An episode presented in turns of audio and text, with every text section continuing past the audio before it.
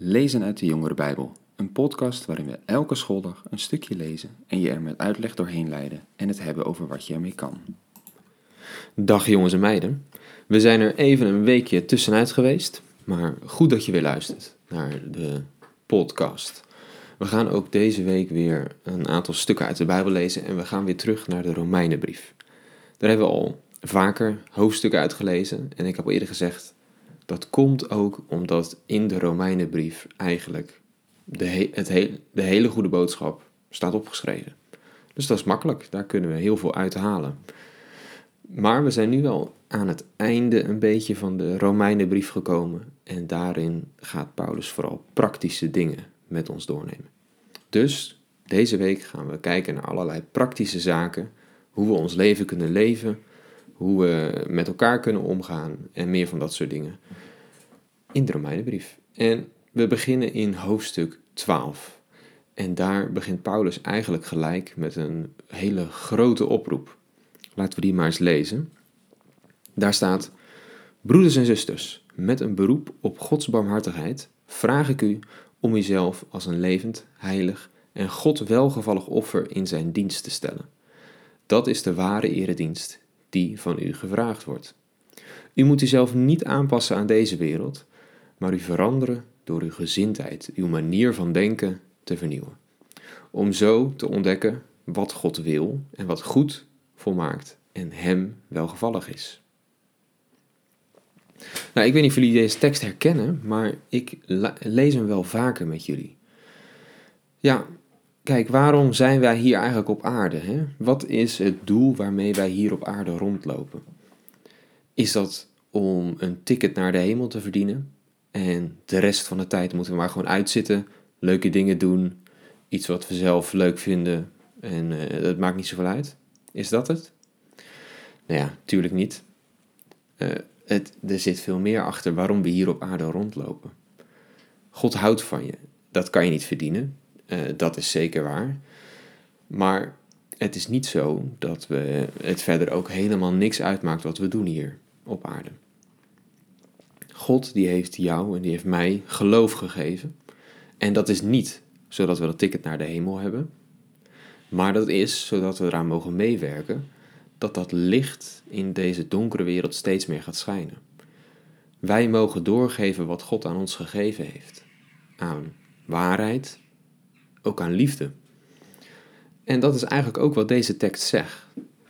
Hij zegt deze tekst die zegt, hoe kan je nou op een goede manier God dienen, als wij inderdaad zo geloven, dat is door je leven aan God te geven, als een soort offer.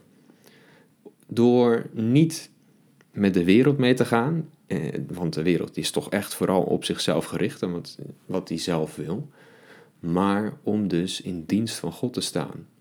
Om op een andere manier te gaan denken en te ontdekken wat God nou vindt dat goed, volmaakt en uh, het goede is.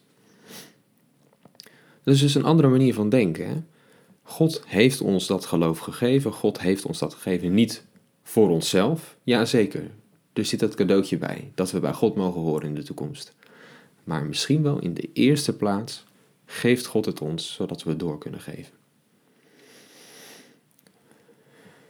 Want ja, kijk, je moet bedenken, het grootste doel van God is niet om uh, nou ja, alleen maar dat, dat, dat ticket te geven, zodat uh, wij het goed hebben.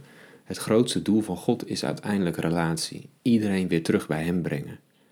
En Hij heeft daar een bijzondere manier voor om daarmee om te gaan.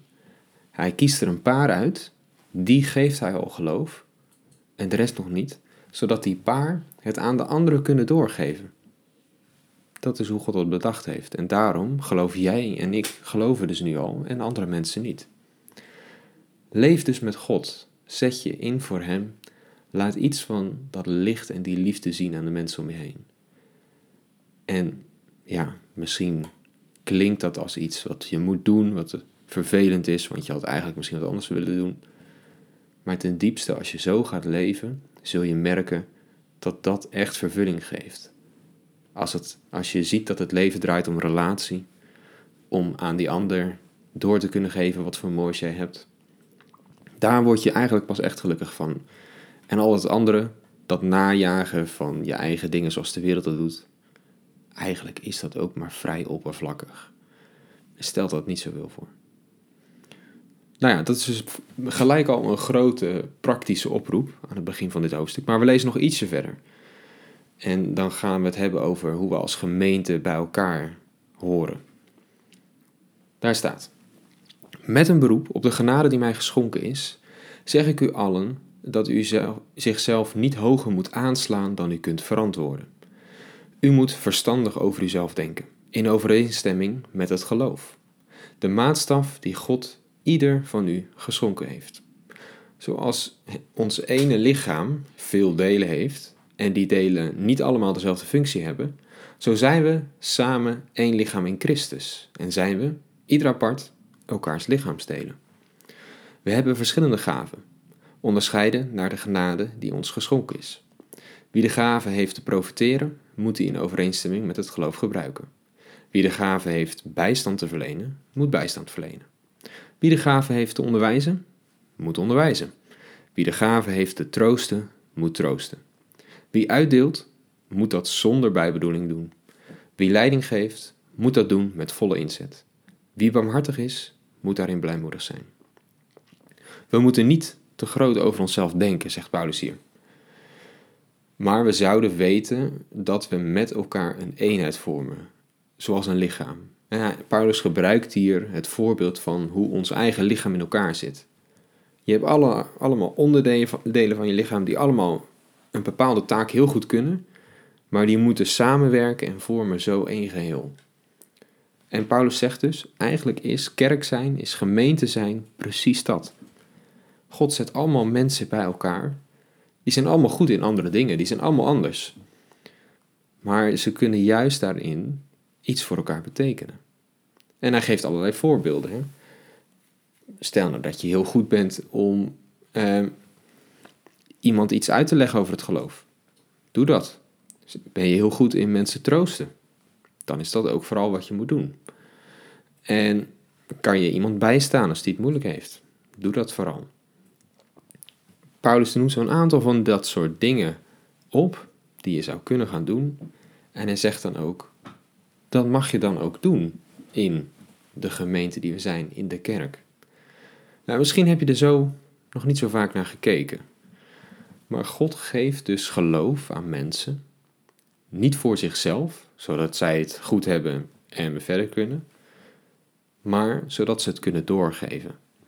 En dat is dus in de bredere zin, het kunnen doorgeven aan mensen die je tegenkomt, die misschien niet bij de gemeente of in de kerk zitten, maar ook, en daar gaat eigenlijk vooral het laatste stukje om, juist ook in de kerk zelf. Want ja, weet je, als je naar een bioscoop gaat, dan wordt er uh, een film voor je opgezet. Jij mag gewoon zitten, je hebt ervoor betaald en je kan consumeren. Je kan het allemaal binnen laten komen. Jij hoeft verder helemaal niets te doen. Sommige mensen denken ook dat kerk zo'n beetje is. Je gooit wat in de collectezak, je gaat zitten daar en je kijkt wat voor shows ze er nu van gemaakt hebben. Maar dat is dus niet hoe kerk zijn werkt. Kerk zijn is iets wat je met elkaar doet en wat je met elkaar bent. En als je daar komt, mag jij daar dus ook je steentje aan bijdragen. Tuurlijk, sommige dagen zul je vooral luisteren, maar denk maar eens over na. Wat heeft God jou gegeven wat je kan doen? Waar ben jij goed in? Kan jij goed zingen? Kan je eh, goed met video overweg?